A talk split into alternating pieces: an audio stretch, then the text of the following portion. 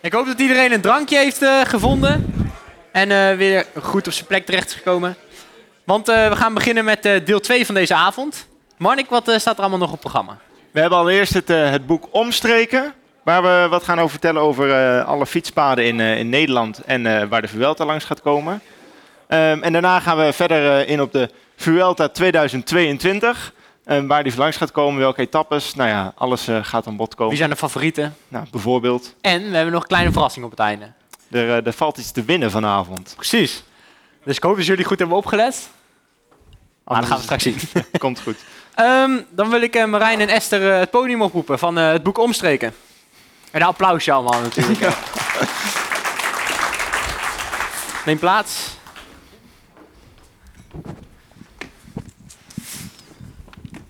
Nou, allereerst welkom. Dankjewel. Ehm, wie zijn jullie precies? En eh, vertel, wat hebben jullie meegenomen? Eh, ik ben Esther en dit is Marijn. En, eh, wij hebben het boek Omstreken gemaakt. Eh, wij fietsen en fotograferen heel veel. Eh, en dat eh, is eh, uitgemond tot een eh, groot boek. Ja, want jullie hebben samen een boek ontwikkeld. Eh, Mhm. Jullie maken altijd foto's samen, o- ook Ja. al eerder. En dat is jullie hobby. En Ja. fietsen is ook een hobby. En zo kwamen jullie tot het idee om een boek te maken. Ja, we hoorden net de prachtige verhalen van de wielerprops. En van de Lagos de Cava Donga. Of, eh, nou, De berg. iets. De berg. En eh, ja, Gert, ik heb net gegoogeld, het bestaat dus echt. Ehm, ehm, maar wij zijn gewone stervelingen en we zijn geen props. En we fietsen de meeste kilometers gewoon in Nederland. Ik denk als de meeste mensen hier. En als je een traint voor een prachtige rit in het eh, buitenland... of als je de Alpe d'Huez wil gaan beklimmen of waar dan ook... dan de meeste trainers, trainingskilometers maak je gewoon in Nederland. Tegen de wind in, op een dijk, op een klimmetje of een viaduct... waar je je blokken draait. Ehm, ik ben zelf tekstschrijver, Esther is vormgever. En wij hebben elkaar ooit eh, professionele leren kennen. En we ontdekten op een gegeven moment dat we allebei fietsten... en op dezelfde manier foto's maakten. Dat zullen we straks laten zien. Eh, we vonden het ook heel leuk, en misschien voor de oplettende kijker... ehm, de foto's die wij maken, die waren net al zichtbaar op de achtergrond. Dus vonden we een hele eer om eh, bij Wielerpoëzie en bij de Wielerprofs... onze beelden al eh, op het grote scherm te hebben. We willen eerst en op een gegeven moment eh, dachten wij, wij kregen leuke reacties op Strava, allebei, van de foto's die wij maakten. En dan hoor je wel eens van, eh, in dit geval mijn moeder, je moet daar meer mee doen. Ehm, eh, je, je, je- misschien moet je een boek uit gaan brengen.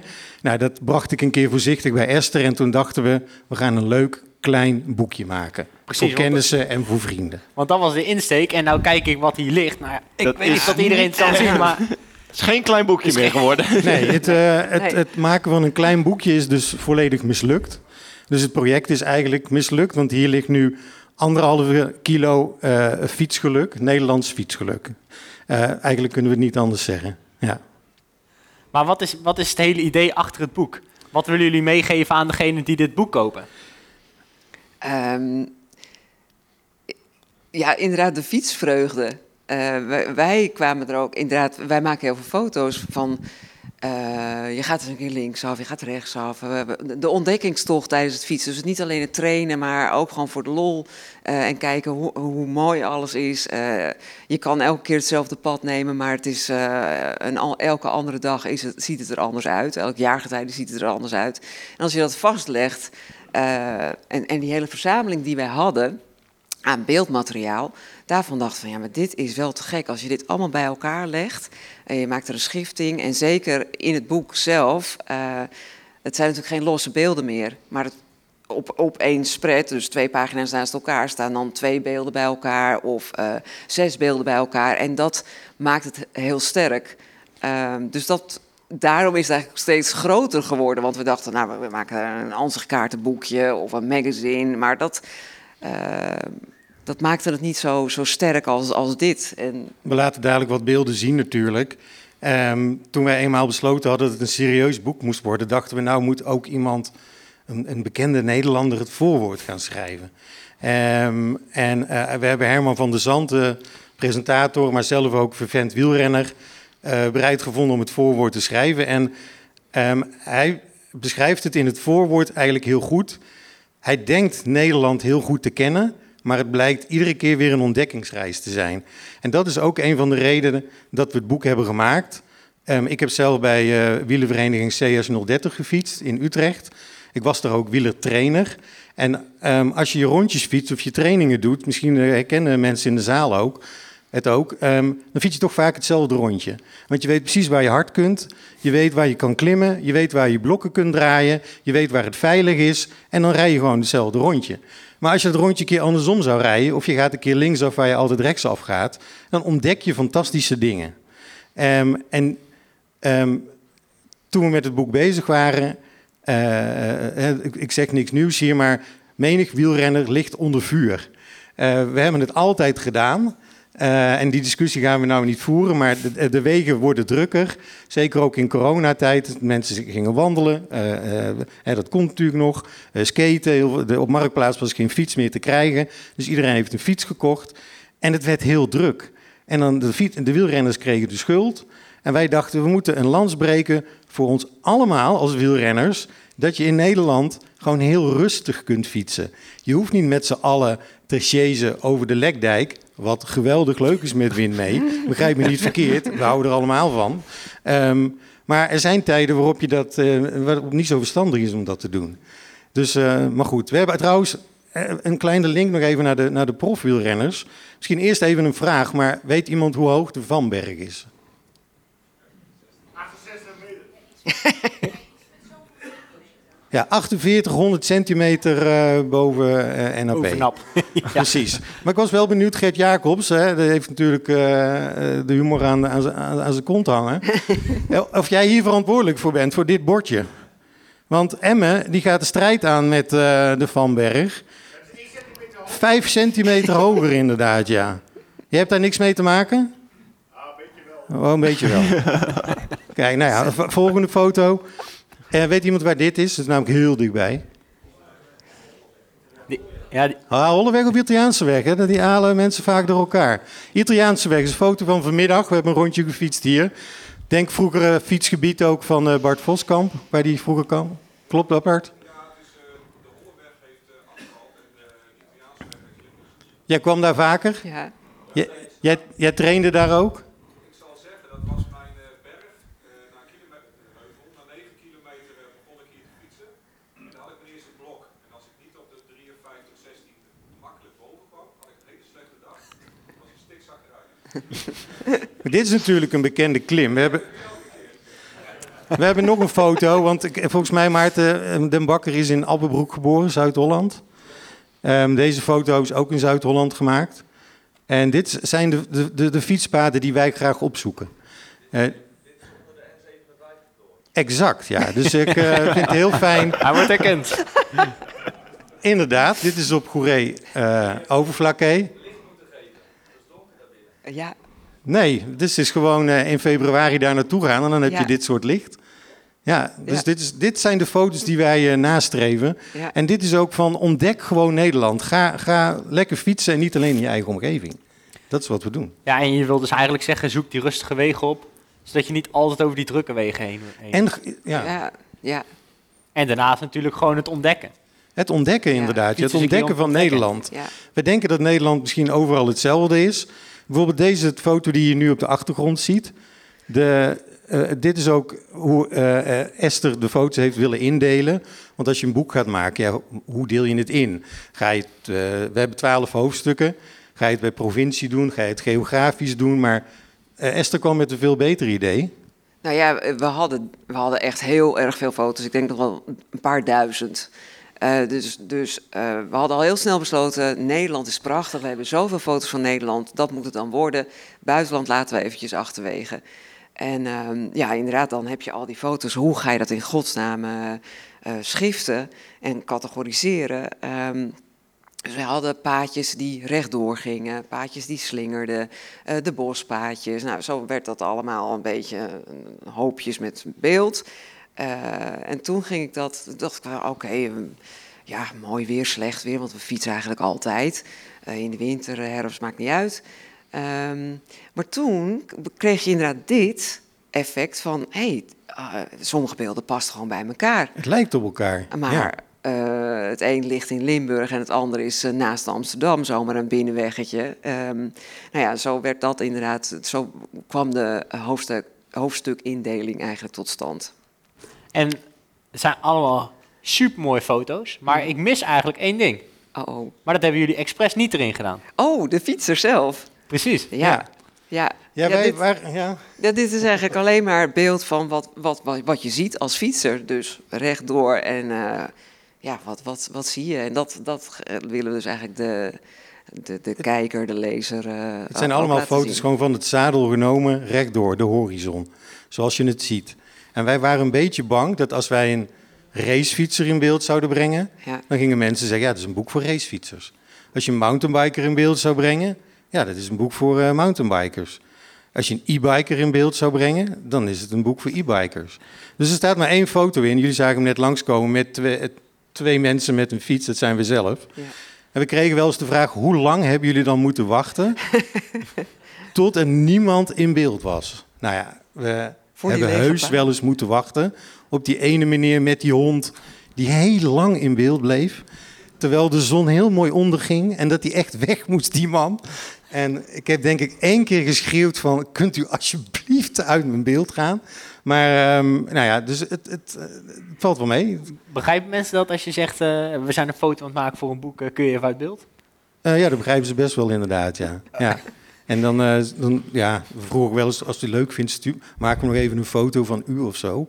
Maar je ziet nou hier bijvoorbeeld deze twee foto's.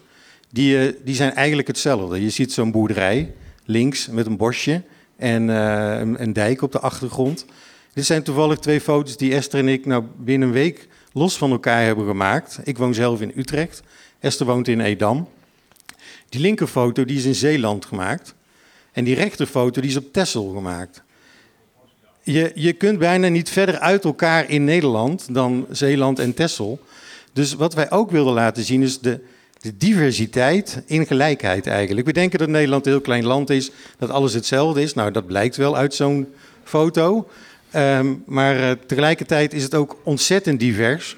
En dat blijkt weer uit eh, die, al die paardjes die je misschien eh, in eerste instantie zag voor, voor de pauze. Ja. En je zei net al dat je duizenden foto's ehm, had gemaakt. Waar, welke foto is dan het mooiste? Of waar zou je eigenlijk gefietst moeten hebben, vind je? Dat kan toch niet? Nou ja, Waar die vraag ik- altijd, op die, Ja. om één foto vast te Ja, pinnen. eentje. Maar ik heb eh, een enorme liefde voor. eh, ik vind, vind het heel bijzonder dat we in Nederland bijvoorbeeld buitendijks kunnen fietsen. Dus als je water eh, of een dijk hebt en, en langs het water kan fietsen, dan, eh, ja, dan, dan, gaat, dan ma- maakt mijn hart eigenlijk een sprongetje. Als ik ook al mag vragen om nog één eh, beeld verder te gaan, Dan? denk ik. Nog eentje, nog één, nog één, nog één, nog één, nog één, nog één, nog waren één, meer dan één? nog één. Ja, deze. Bijvoorbeeld. het is bij mij om de hoek, maar het is, eh, ik vind dat heel mooi. Vooral ook omdat in dit beeld is het, is het water helemaal, is alles helemaal stil. Maar ja, wat ik dus net ook al zei, ik, ik fiets hier bijna dagelijks en het is er altijd anders. Eh, de zon staat anders, het, het kan er woest zijn. Ik ben er bijna van de dijk afgewaaid. Ik bij, bijna niet meer verder durfde te fietsen, zo hard waait het. En hier is het gewoon zo stil. Dan, dan kom je er zo op. Eerst fiets je eronder, langs die dijk, en dan mag je erop. En dan zie je dat uitzicht, dat is echt eh, magnifiek. En, en waar let je dan op, op het maken, bij het maken van zo'n mooie foto? Zijn dat... Kijk, naast dat er niemand in beeld Ja. staat natuurlijk, maar... Ja, nou ja, ik vind het, het pad moet er dus altijd op. Het, het pad, waar, de weg waarop je fietst. En ja, in Ja, dit geval is in de verte staan er, eh, eh, stonden er een paar eh, windmolens. Ik dacht, dan pak je dat zo. Ja, het is ook een beetje op gevoel, denk ik. Ja, jullie vroegen net ook van waar haal je creativiteit of je inspiratie vandaan aan, eh, aan de Veronique en aan Bouke. En ja, soms dan kan het weer in één keer veranderen. Vandaag bijvoorbeeld eh, was een hele saaie fotodag. Het is bloedheet, je hebt een blauwe lucht, het is fantastisch, maar ja, je hebt alleen maar blauwe lucht. Deze twee foto's die zijn veel interessanter. En die, die zijn veel gelaagder. Die, die linkerfoto die is in Friesland gemaakt. En eh, die andere is vlakbij Utrecht gemaakt. En dan zie je, en dat zullen we allemaal herkennen. En Maarten den Bakker noemde net ook dat je 's ochtends dan bezig bent hè, met je rituelen. Pak je een regenjasje wel of niet mee? Nou ja, die rechterfoto was toen ik geen regenjasje bij me had. Eh, maar ja, dan zie je uit die verte die donkere lucht op je afkomen. Soms zo'n gordijn van regen. En dan denk je, het is echt een hele slechte keuze geweest om geen eh, regenjas mee te nemen vandaag. Maar wel een heel mooi fotomoment. Wel een, wel een heel mooi fotomoment, ja. En, en mijn favoriete foto, ja, we konden niet kiezen. Jullie stuurden die vraag van tevoren van, denk daar even over na. Eh, deze foto is ook in eh, Zeeland gemaakt. Eh, ehm, Esther noemde het net al, Ja. buiten dijks fietsen. Of, ehm, ja, dat is, dat is toch fantastisch dat het gewoon kan in Nederland. Herman van der Zand schrijft het ook in zijn voorwoord, dat we, we zijn bijna verwend en we weten niet meer hoe goed onze fietsinfrastructuur is. Maar dit is gewoon een fietspad. Het lijkt te eindigen, maar aan de rechterkant gaat het gewoon naar rechts. Dus eh, dit is het getijdenpad eh, in de buurt van Breskes. En eh, ja, als het water, al- als het app is, kun je er gewoon fietsen. Ik zou zeggen, ga er een keer naartoe, want het is echt fantastisch. Maar de volgende foto die is, ehm, eh, komt uit Schiermonnikoog. En als ik jullie met z'n allen één ding kan aanraden, is huur een fatbike bij verhuurbedrijf Soepboer. Ik heb geen aandelen, maar alleen al van het, vanwege die naam wilde ik dit even noemen. En dit is het Bouwenhoekstrapad. En Bouwenhoekstra is, was de laatste koeherder van Nederland. Ik wist niet dat het bestond, maar een koeherder. En ehm, dat pad kun je gewoon volgen, maar alleen met een fatbike. En dat is gewoon, als je de volgende foto ook bekijkt, dat is avontuur in Nederland. Alsof je op een soort pampa fietst. Dus ja, je moet daar echt heen. Ga naar Schiermonnikoog, bovendien uitgeroepen tot fietsgemeente van Nederland. Ja, want dit is ook een fietspad, hè? Dit is een fietspad, Alles ja. wat jullie fotograferen is een fietspad. Ja, is allemaal fietspaden, ja. En ook waar je gewoon legaal mag komen, hè? Ja, Dit zijn geen ille- illegale gravelstroken of zo, of, of hekjes over. Ik weet niet of mensen hier Veloviewer tegels verzamelen, maar dan klim je wel eens een hekje over wat niet helemaal mag. Maar nee, dit zijn gewoon allemaal legale fietspaden. Wij wonen in zo'n waanzinnig gaaf fietsland. En voor de mensen die nou misschien denken van, ja, ik sta eigenlijk wel te trappelen om het boek te kopen. Wat zou je daar nog, hoe we ze over de brug krijgen, het allerlaatste zetje? Eh, nou ja, als, als we na deze eh, mensen nog niet enthousiast gekregen hebben, weet ik het niet. Maar nee, het is eh, ja, Her- Herman van der Zand. laten, laten wij dan niet zelf de verkoper van ons boek zijn. Maar Herman schrijft het over, over Nederland. Van, nou ja, in Vlaanderen zeggen ze de koers is van ons. Maar in Nederland is de fiets van ons. En laten we dat vooral ook nog heel lang zo houden. Kijk, nou, dat vind ik een hele mooie afsluiting. Bedankt. Gedaan. Yes.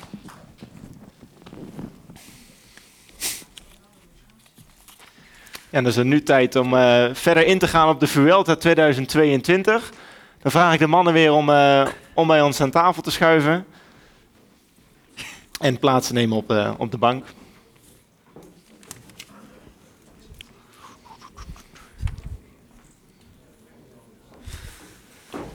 Ja, over de Vuelta. Want eh, misschien hebben we mannen wel een poeltje hier ergens. Net als een tour- tourpoeltje. tourpoeltje, maar Vuelta-poeltje. Ja, wie weet. Krijgen- Alle drie meteen een boek gekocht? Of, eh? Zoiets. ja, mannen. We gaan het nu echt hebben over deze Vuelta. De Vuelta die in Utrecht start. Met een ploegentijdrit. Hebben jullie favorieten? Ja, je favoriet Bart. Voor de Vuelta of voor de, voor de ploegentijdrit? Ja, voor de Vuelta.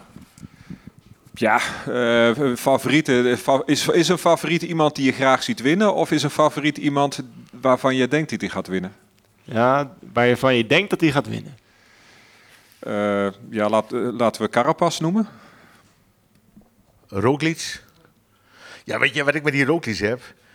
Oh god, nou, komt hij hoor. Vertel eens even, wat heb je met Roglic? die, hij, hij ligt vaak op de grond. En dan, eh, dan, dan, dan zie je hem de volgende dag weer opstappen. eh, joh, overal verband, jongen, links en rechts en op de kop. Dan denk ik, jongen, hij is zo uit de serie Mesh. Ken die Mesh? Ken je die serie nog? Al van die oorlogsveteranen die uit zo'n tentje lopen. Zo ziet Roglic er altijd ook uit. En toch krijgt hij het weer eh, voor elkaar. Na zijn valpartij in de Tour de France, ja, denk ik toch dat hij deze Vuelta weer de favoriet is. En dan gaat hij hem winnen voor de vierde keer, hè? Ja. Voor de vierde. Hij heeft al drie keer gewonnen. Dus als hij deze Vuelta wint, dan wint hij, eh, dan wint hij voor, eh, voor, voor de vierde keer. En Jumbo-Visma is er ook veel aan gelegen. Hè? Start in Utrecht. Ja, jongen, er staan al die gele bussen, geel-zwarte bussen, die eh, staan daar.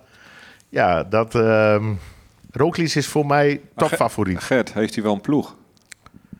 Ja, Roglic heeft een goede ploeg. Jongen, je hebt ze in de Tour de France toch rond Ja, zien maar rijden. die, die, die, die jongens die in de Tour rijden, die rijden misschien de Vuelta niet. Ik heb ze niet allemaal in het hoofd zitten. We, hebben het even over gehad. Gert die, die zit altijd op de bank eh, geplakt voor, de, voor alle, alle dingen. Dus als we Gert iets willen weten, dan Maarten en ik bellen Gert. En dan kunnen we Gert vragen hoe zit het precies. En ik heb net gevraagd, Gert kom even tussen ons zitten, in zitten. Want Gert heeft het, heeft het grote boek bij zich. Het is net Sinterklaas. Hij schrijft ja. alles op. Ja, maar weet je waarom ik dat heb? Eh, Ik ben, ik ben niet zo goed in namen.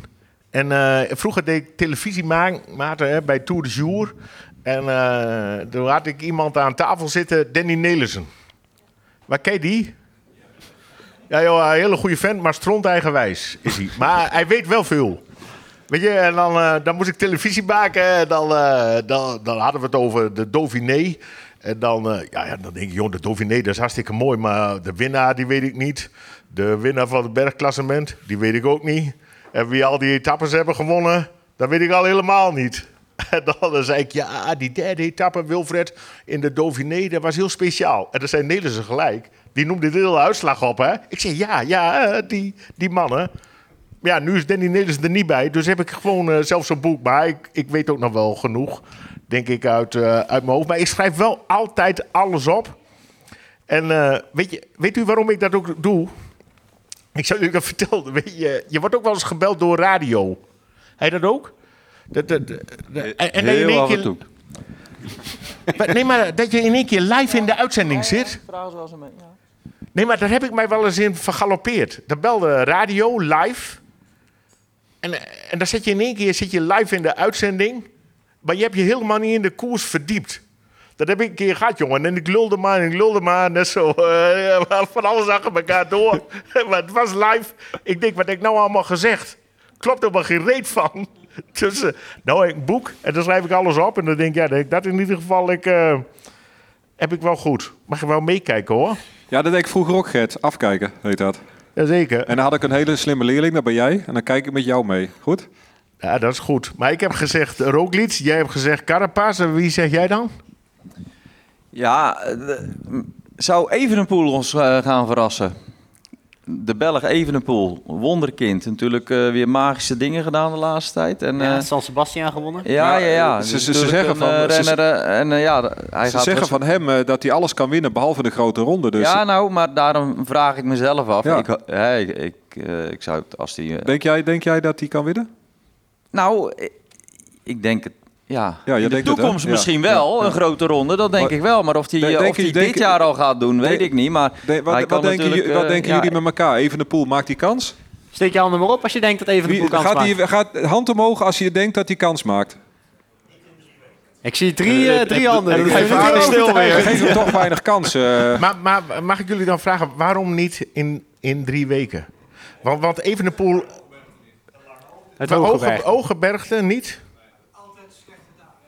Ja, maar dat denken jullie. Altijd een slechte dag. Dat was zo. Maar Evenepoel fietst nog niet zo lang, hè? Die deed vroeger eh voetjebal. Ja, bij, eh, bij eh, FC Anderlecht. Maar, maar even, weet je, maar één ding moet je goed kijken. Hè? Kijk maar dadelijk op jullie Instagram, op jullie Twitter, op alle jullie social media kanalen. De ploegleider van Evenepoel, Patrick Lefevre, die haalt alle druk eraf. En dat doet hij expres.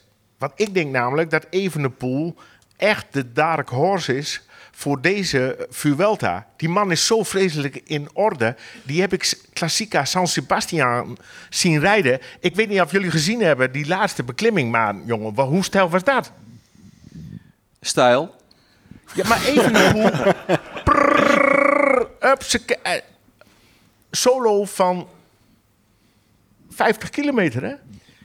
Ja, nou ja, dat hij hard kan fietsen en eh, dan in korte tijd gigantische voorsprong kan nemen. Ook in het huidige wielrennen, dat is fenomenaal. En, eh, maar inderdaad, we hebben het hier over een grote ronde. Ja, laat hij ons verrassen. Eh, ik ben ook heel erg benieuwd. Maar wat hij laat zien, dat, dat, dat, ja, dat zijn af en toe ja, capaciteiten die hij laat zien. Dat is fenomenaal. Ja. En wat denken jullie van die... Van die die heb ik hier ook nog eh, in mijn Sinterklaasboek staan. Die, dat hele kleine Pinaise-wippetje. Ken je die uit Colombia? Quintana. Och, jongen, man, wat, wat, eh, maar ik kan die man niet zien. Echt niet. Vreselijk. Ik vind net zo'n speld. We- weet je, nee, kijk je wel eens gezien, zo'n speldenknop met, met, met zo'n eh, doppie erbovenop? Dat is Quintana. Weet je wel, heel smal, met een dikke kop. Pogacar die had de Tour gereden, die was naar de kloten. Die, die gaf geen concurrentie aan eh Evenepoel. En er waren meerdere renners die, die toppers waren er allemaal niet, zoals Sebastian. Ja, ik ben het met je eens. Je krijgt er wel een vertekend beeld. Het is een eendagskoers eh, die natuurlijk prachtig is als je wint. Maar je rijdt tegen tegenstanders die eigenlijk daar nog moeten rijden omdat het op het programma staat. Ik denk dat hij in de Vuelta wel ver komt. Maar hij gaat zeker één dag gewoon niet goed zijn. Of hij daalt ook niet super. Het wordt beter. Maar voor de toekomst is het denk ik wel een geduchte als hij zich specifiek vastlegt of voorbereidt op grote rondes. Maar ik denk dat hij nu ergens nog een steek laat vallen. Maar het zal steeds eh, verder opschuiven naar perfectie. Dus in de toekomst misschien wel, maar het zal denk ik te vroeg zijn nog. eh, maar goed, hij maakt, ons zeker, eh, hij maakt er zeker een mooie koers van. Dat denk ik. Nog een beetje klassieker en grote ronde ook. Ja. Ja, Maar Bart, wat komt er allemaal kijken bij zo'n klassementsrennen? Wat moet hij dan kunnen om zo'n... nou ja, je, te kunnen winnen. Je, je moet, je moet natuurlijk eh, ten eerste je moet een hele goede klimmer zijn, want daar wordt het verschil gemaakt. Dan moet je in de tijdritten niet te veel verliezen. Je mag geen slechte dagen hebben. Je moet een goed team hebben. En je moet drie weken focus hebben. Want je kunt natuurlijk eh, bij wijze van spreken hier op o- de Lekdijk komen ze niet, maar weet ik veel, ergens eh, bij echt tot over een brug bij Leeuwen of weet ik veel wat. Op een plek niet gefocust zijn, achterstand hebben. En dan moet jij wel een team hebben die jou het recht kan zetten. Je, je, mag gewoon, je mag gewoon geen steken laten vallen. Eén dag, één dag een paar minuten verliezen en het is funest. Dus je moet super gefocust zijn dat je drie weken lang continu van voren moet kunnen rijden. Nou, ja, goed, je bent ook, we hebben het erover gehad. Je bent ook coureur geweest. Het lastige is, en dat vond ik vroeger ook altijd, om elke dag gewoon bij de eerste 20, 30 te blijven rijden. Terwijl je af en toe denkt, ja, ik ga even lekker van achter, want ik ben er wel klaar mee van dat gefriemel van voren. Het is geestelijk, is het vreselijk zwaar. Tenminste, ik, ik vond het moeilijk om heel veel van voren te blijven rijden. ja, vond ik ook. Daar was er al bang voor, ja. Ja, ik reed ook niet zo heel vaak van voren. Alleen als moest. Weet je, je moet een beetje, als, weet je wat je een beetje moet hebben? Die nou de Vuelta moet winnen, hij doet niet mee. Je moet een beetje Wout van Aert hebben. Als je dat hebt, Ja, dan heb je alles. ja, maar, maar dan, maar dan, dan, Dan dan, was het dan, wielrennen dan ben je makkelijk. en van voren. Je kan sprinten, je kan bergop fietsen. De tijdritten, die win je gewoon in een ontsnapping. Met vijf vingers in nazen zit je erbij. Ja, dan, als je dat hebt, Ja, maar dan zou, dan zou hij de grote ronde volgend jaar moeten winnen, Gert. wat denken jullie? Ja, dat vind ik ook een goeie, ja. Nou, Kan, kan, Wa- Wout van Aert een grote ronde winnen? Handen omhoog als je Handen ja omhoog die ja zeggen. Ah, de helft. Ja, als je met Bros maar- zien rondrijden eh, dit jaar, dan... eh, Maar het zou wel heel uitzonderlijk zijn als je met zijn bouw een grote ronde wint. Nou, wacht even. De, de, de, veel analisten zeggen dat zo. Maar ik heb rondgereden, Bart volgens mij, en jij ook Maarten, met ene meneer eh Miguel Indurain. Eh, volgens mij was die man, eh, die was nog zwaarder dan Gert Jacobs nu, zowat. nou, nee, niet helemaal. dat, is, dat is onzin. Maar ik, hij was zwaarder dan 80 kilo, hè? Nee, het nee was- ja, ja, dat valt eigenlijk best wel mee. Toen Ja. Miguel in de Rijn de Tour won, was hij niet boven de 80 kilo. Zeker niet. Nee, nee, nee, nee. Maar Ja, hij, hij toonde best wel groot en voor. Maar inderdaad, die, eh, er kwam geen zweetdruppel nee, vanaf. maar hij was eh, verhoudingsgewijs om een grote ronde te, was hij wel vrij lang en, eh, En wat zwaar. zwaarder. Dat wel. Ja. Maar, Maar dat- Wout van Aert is zeker niet zwaarder dan, dan Indurain. Nee, maar Ja, het zijn, ja, goed. Het zijn, zijn, maar goed, het gaat nu over de Vuelta. Maar het zijn, het zijn wel andere tijden van toen en nu natuurlijk. Kijk, nu de, de klassementsrijders, of tenminste degene die vooraan in een bergrit eh, rijden, als ze allemaal tegelijk beginnen, zijn het allemaal mensen van, nou laten we zeggen, tot, eh tot 3, 64 kilo. Ja. Dus ja, het, het zou bijzonder zijn als hij dat zou kunnen. Ja, maar weet je, de, het bijzondere van, dat vind- vind ik eraan, die wil ik nog wel even opmerken. Ik heb de Tour de France dagelijks gevolgd. We krijgen de negentiende etappe naar de Hotekam. We hebben een geweldige Tour de France gehad. We hebben Wout van Aert alle dagen voorop zien rijden. In de strijd heeft hij zich gemengd. Hij heeft ehm, eh, in de etappe over de Calibier, waar Pogacar het moest laten liggen, haalt hij voor die mannen de kastanjes uit het vuur. En dan krijgen we op het laatst in de Tour de France de rit naar de Hotakam. Ik doe de televisie aan, de vlag gaat naar beneden. De eerste die demereert, Wout van Aert. We krijgen een geweldige etappe. We finishen op de Hote Kam. Hij wacht zijn mannen op, want hij rijdt nog steeds voorop. Vingerkaart komt eraan. Pogacar in het wiel. En Wout van Aert nestelt zich op kop. En die geeft er zo'n geweldige patat op... dat hij, Pogacar, zo'n klein mannetje, op de Hotekam... Ja, Bart, jij weet ook wat voor klim het is. Hij rijdt Pogacar ervan af. Hij, hij zet zich naar de zijkant van de weg. Jonge man, dat heb ik nog nooit gezien. Hij zwalkt over de weg. Ik denk, die stapt af. En die stapt nooit meer op. En ik kijk tien minuten later. En meneer Wout van Aert wordt gewoon derde. Wordt gewoon derde. De beslissende etappe in de Tour de France vanuit de start demereren. En op de Hote Kam de grootste concurrent van Vingerkaart uit het wielrijden. En ook nog derde worden. Nou, dan heb ik niet zoveel vraagtekens meer of Wout van Aert de Tour de France kan winnen. Het enige vraagteken die ik heb, wil Wout van Aert dat zelf? Dat is wel het allerbelangrijkste, denk ik. Sorry? Ja, eh, dat klopt. Du- Dus als, als Wout van Aert zonder ploegentactiek kan rijden... dat hij een ploeg om zich heen heeft... net zoals in de tijd van Miguel Indurain... die de hele dag een geweldig tempo bergop rijdt... dat hij helemaal niet meer op kop hoeft te rijden... dan houdt hij nog meer energie over... om al die bergmannen gewoon te lossen... op momenten daar waar het moet. Want Wout van Aert doet nu veel werk, hè? Heel veel werk. En je vergeet nog het belangrijkste detail, want hij, hij loste, inderdaad. En vervolgens komt Pogacar nog eens langs. En die was natuurlijk gelost.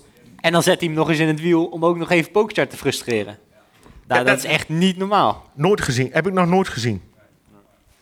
Maar we hebben het natuurlijk over deze Vuelta. we zijn een beetje van het onderwerp afgegleden. Maar wat dachten jullie van Kelderman? Ja. Ja, je, je geeft... Oh, ja, Nee, zeg. maar. Nee, je- geeft de voorzet. Ik, eh, ik ken Wilco een klein beetje. Hij heeft nog een tijdje bij ons in de regio eh, getraind. Maar, dus ik hoop dat zijn voorbereiding gewoon verder goed loopt. En, eh, maar Kelderman is zeker een man die capaciteit heeft. Ja, we hebben het nu over de winnaar van de Vuelta. En ik, ik hoop het van harte, maar... Kelderman is zo'n, ook gewoon zo'n geweldige creur en zo'n geweldige atleet. En ja, hij heeft zeker capaciteit om eh, ja, misschien wel naar het podium te gaan. Ik weet niet hoe het met zijn ploegmaat Hindley... eh, Ja, die die, is ook- eh, Hindley van boord, die al eh, ook een uh, topklassementsrenner natuurlijk voor deze Vuelta, denk ik. Maar Kelderman, eh, nou, ik hoop al sowieso dat hij een etappe gaat winnen, Wilco. Want dat zou wel mooi zijn. Maar hij kan zeker ook een dik klassement rijden, mits hij eh, gezond blijft en op zijn fiets blijft zitten. Want het is gewoon echt, echt een klasbak. Ja, want dat, dan was ik wel benieuwd naar. Je had het net over Roglic. Maar hoe komt het dan, denk je, dat Roglic... Waarom, waarom valt hij elke keer? Bijna elke keer valt hij. Ja, Hoe Kelderman komt ook. zoiets nou? Ja, weet je, maar dat is ook een talent, hè? Ja. ja, als wielrenner is het echt wel belangrijk, dames en heren, dat je op de fiets blijft zitten. Ja. Weet je, wat hij dat iedere keer op de grond ligt te spattelen, dat, daar heeft Wilco ook een handje van. Eh, En dat is niet goed. En ik denk ook heel vaak dat ze gewoon in de verkeerde positie rijden. Want als ik televisie kijk, dan waait de wind van links. Dat wordt heel nerveus. En waar zitten onze kopmannen? Aan de rechterkant van de weg. Ja, jongen, lekker in dat bolletje van het peloton fietsen. Als ze dan vallen, vallen ze naar binnen. Ben je aan de beurt? Lig je op de grond? Nee, je moet met je kopman aan de buitenkant fietsen met de kop in de wind. Als je daar rijdt, heb je geen last van die valpartijen en kun je er zo omheen fietsen. Bovendien, als je aan de windkant fietst hè, en er wordt gevallen, dan kun je er ook nog uitsturen. Dat kun je niet als je aan de binnenkant van de groep. Het is toch ongelooflijk, man. Die ballen van Jumbo-Visma, die vallen ook veel te veel. Weet je wel, ze hebben het echt geweldig gedaan. Maar ze liggen veel te vaak op de grond. Kelderman ook. En ja, wil je een goed klassement rijden, moet je wel op de fiets blijven zitten. Ja, dat is zeker waar. Maar wat je net vertelde, het wordt nerveus in het peloton. Hoe merkte je dat vroeger als wielrenner zelf? Bart, kun je misschien ons daar meenemen? Nou ja, op zich is dat niet zo heel veel veranderd. Want eh, eh, in de Vuelta heb je gewoon... Je hebt eh, kopmannen die mogen geen tijd verliezen. Nou, die kopmannen moeten geholpen worden door knechten die ook van voren moeten zitten. Nou, dan heb je de sprinters die moeten de hele dag van voren blijven zitten. Want die mogen geen trap te veel doen, anders kunnen ze geen sprint winnen. Nou, die knechten daarvan moeten daar ook weer van in de buurt zitten. Dus op zich verandert dat niet zoveel. Eh, kijk, in de, in de Tour is de commercie in onze tijd was veel groter. Dus je werd continu door een Kees Priem of eh, een Jan Raas eh, eh, achter de vodden aangezeten om, om continu allemaal van voren te zitten. En het nadeel van tegenwoordig is dat ze allemaal met oortjes rijden. En dat die ploegleiders een televisie in de auto hebben. Dus ze zitten continu te roepen van zorg dat je over een kilometer van voren zit. Want de bocht draait naar rechts, de wind komt van links. Dus je wordt, als renner word je continu opgejaagd. En ja, zoals je weet is er misschien op de eerste rij maar plek voor 10. En daarachter voor nog een stuk of 10.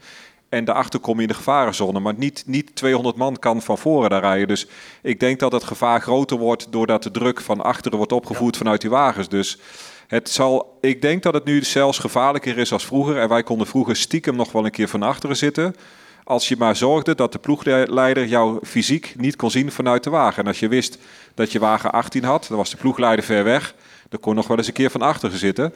Maar goed, als de ploegleider dichtbij was, ja, dan moest je snel even een paar plekjes opschuiven dat je uit zicht was. Maar nu zien ze alles. En als je kijkt naar eh, de etappes van deze Vuelta, welke etappes zouden zeker bekeken moeten worden als je voor de tv zit? Nou ja, maar weet je wel, we zijn natuurlijk eh, Nederlanders. Ik ben wel benieuwd of jij nog een mooie naam van een berg hebt. eh. Een mooi naam van een berg. Ja, op je, op je blaadje in je grote boek. Ja, ja, Welke weet- berg moet weet je je in waar de we naartoe gaan?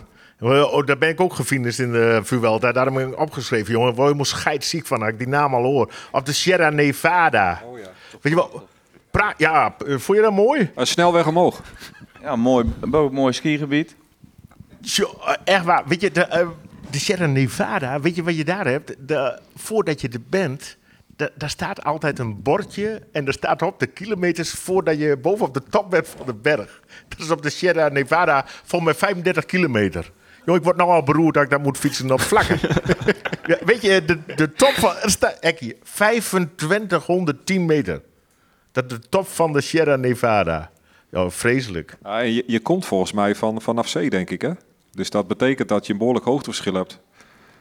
Die is, Ja, ja, dat- die, is, dat- die is heel lang, die klim. Die is echt heel vervelend ook. Komt geen eind aan. Ja, en de hoogte natuurlijk. Dat gaat ook zorgen dat je lastig begint met ademen. De ene renner is daar beter in dan de andere. Quintana, je vriend, is daar eh super goed in. Ik had nooit geen lucht.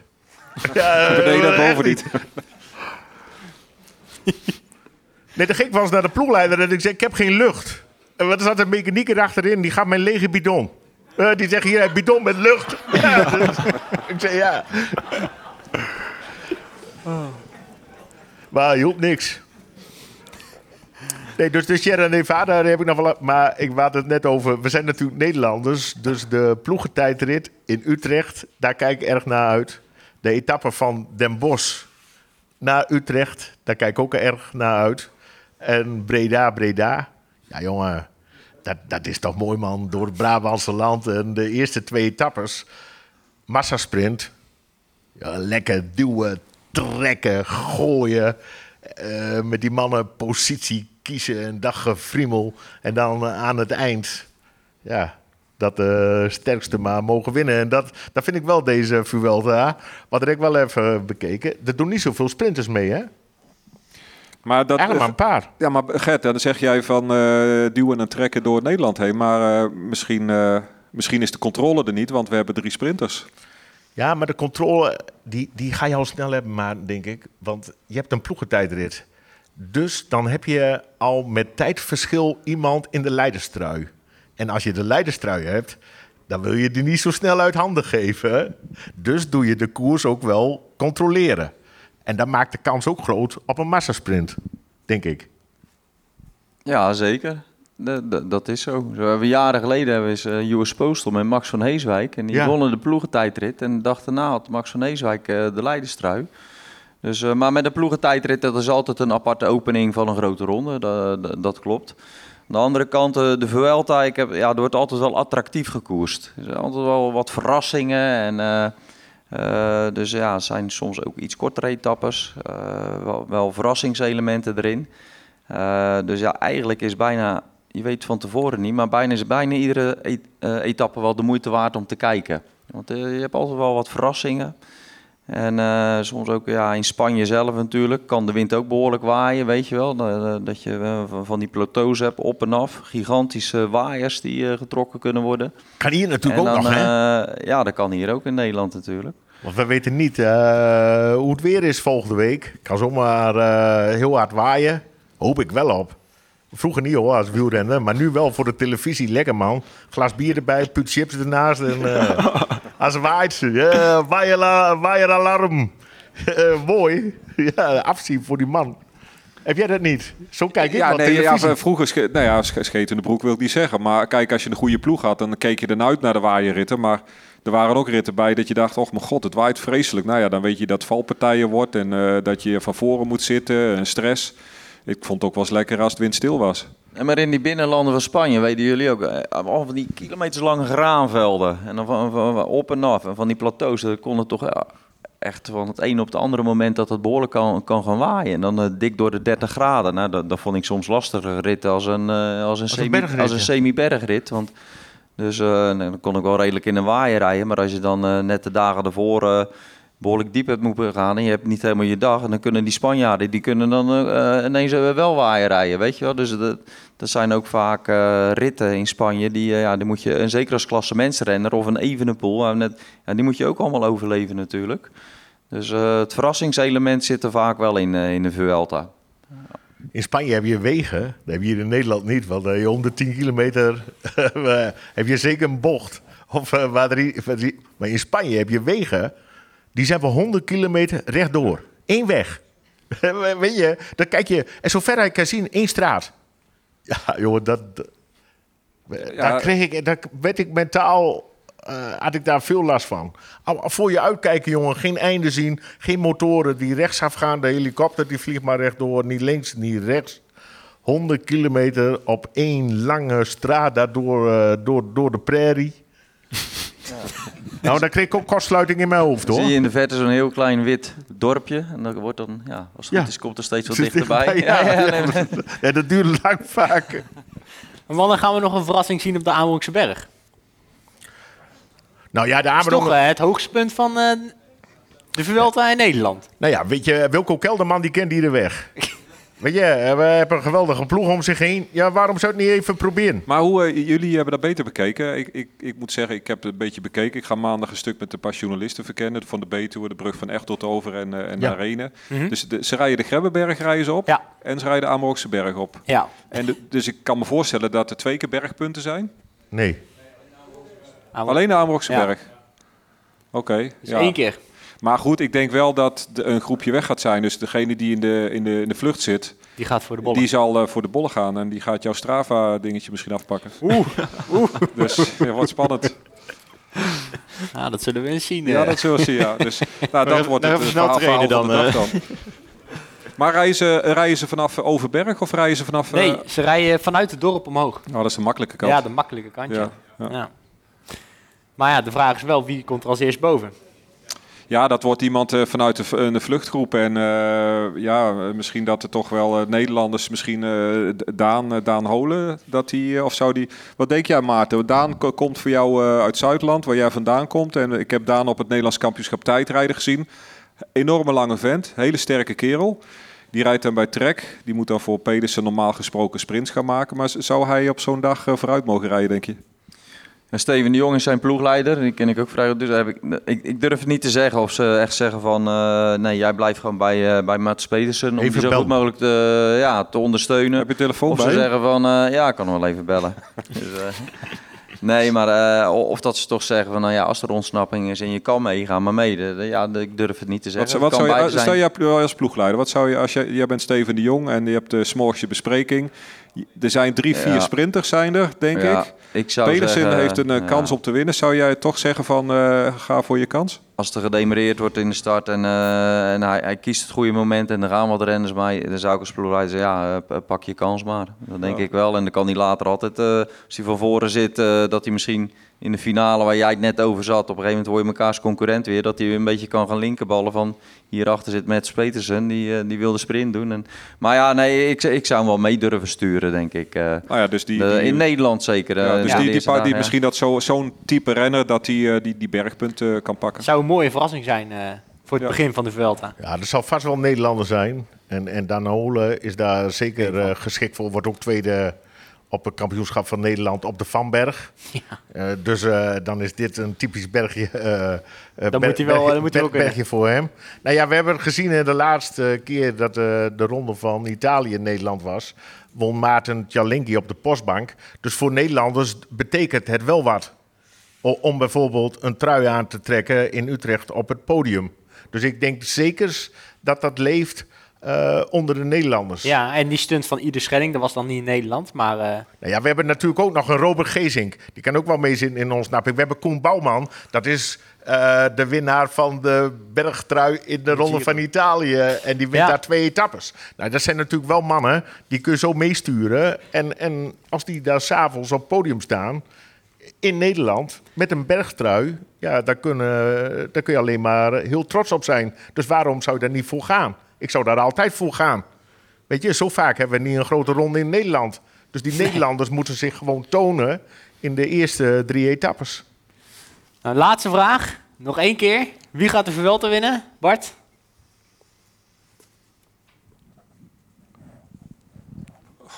Tja, het, ja, toch lastig. Misschien ja, dan hoop ik. ik, ho- ik hoop dan Kelderman. Kelderman, Roglic. Roglic.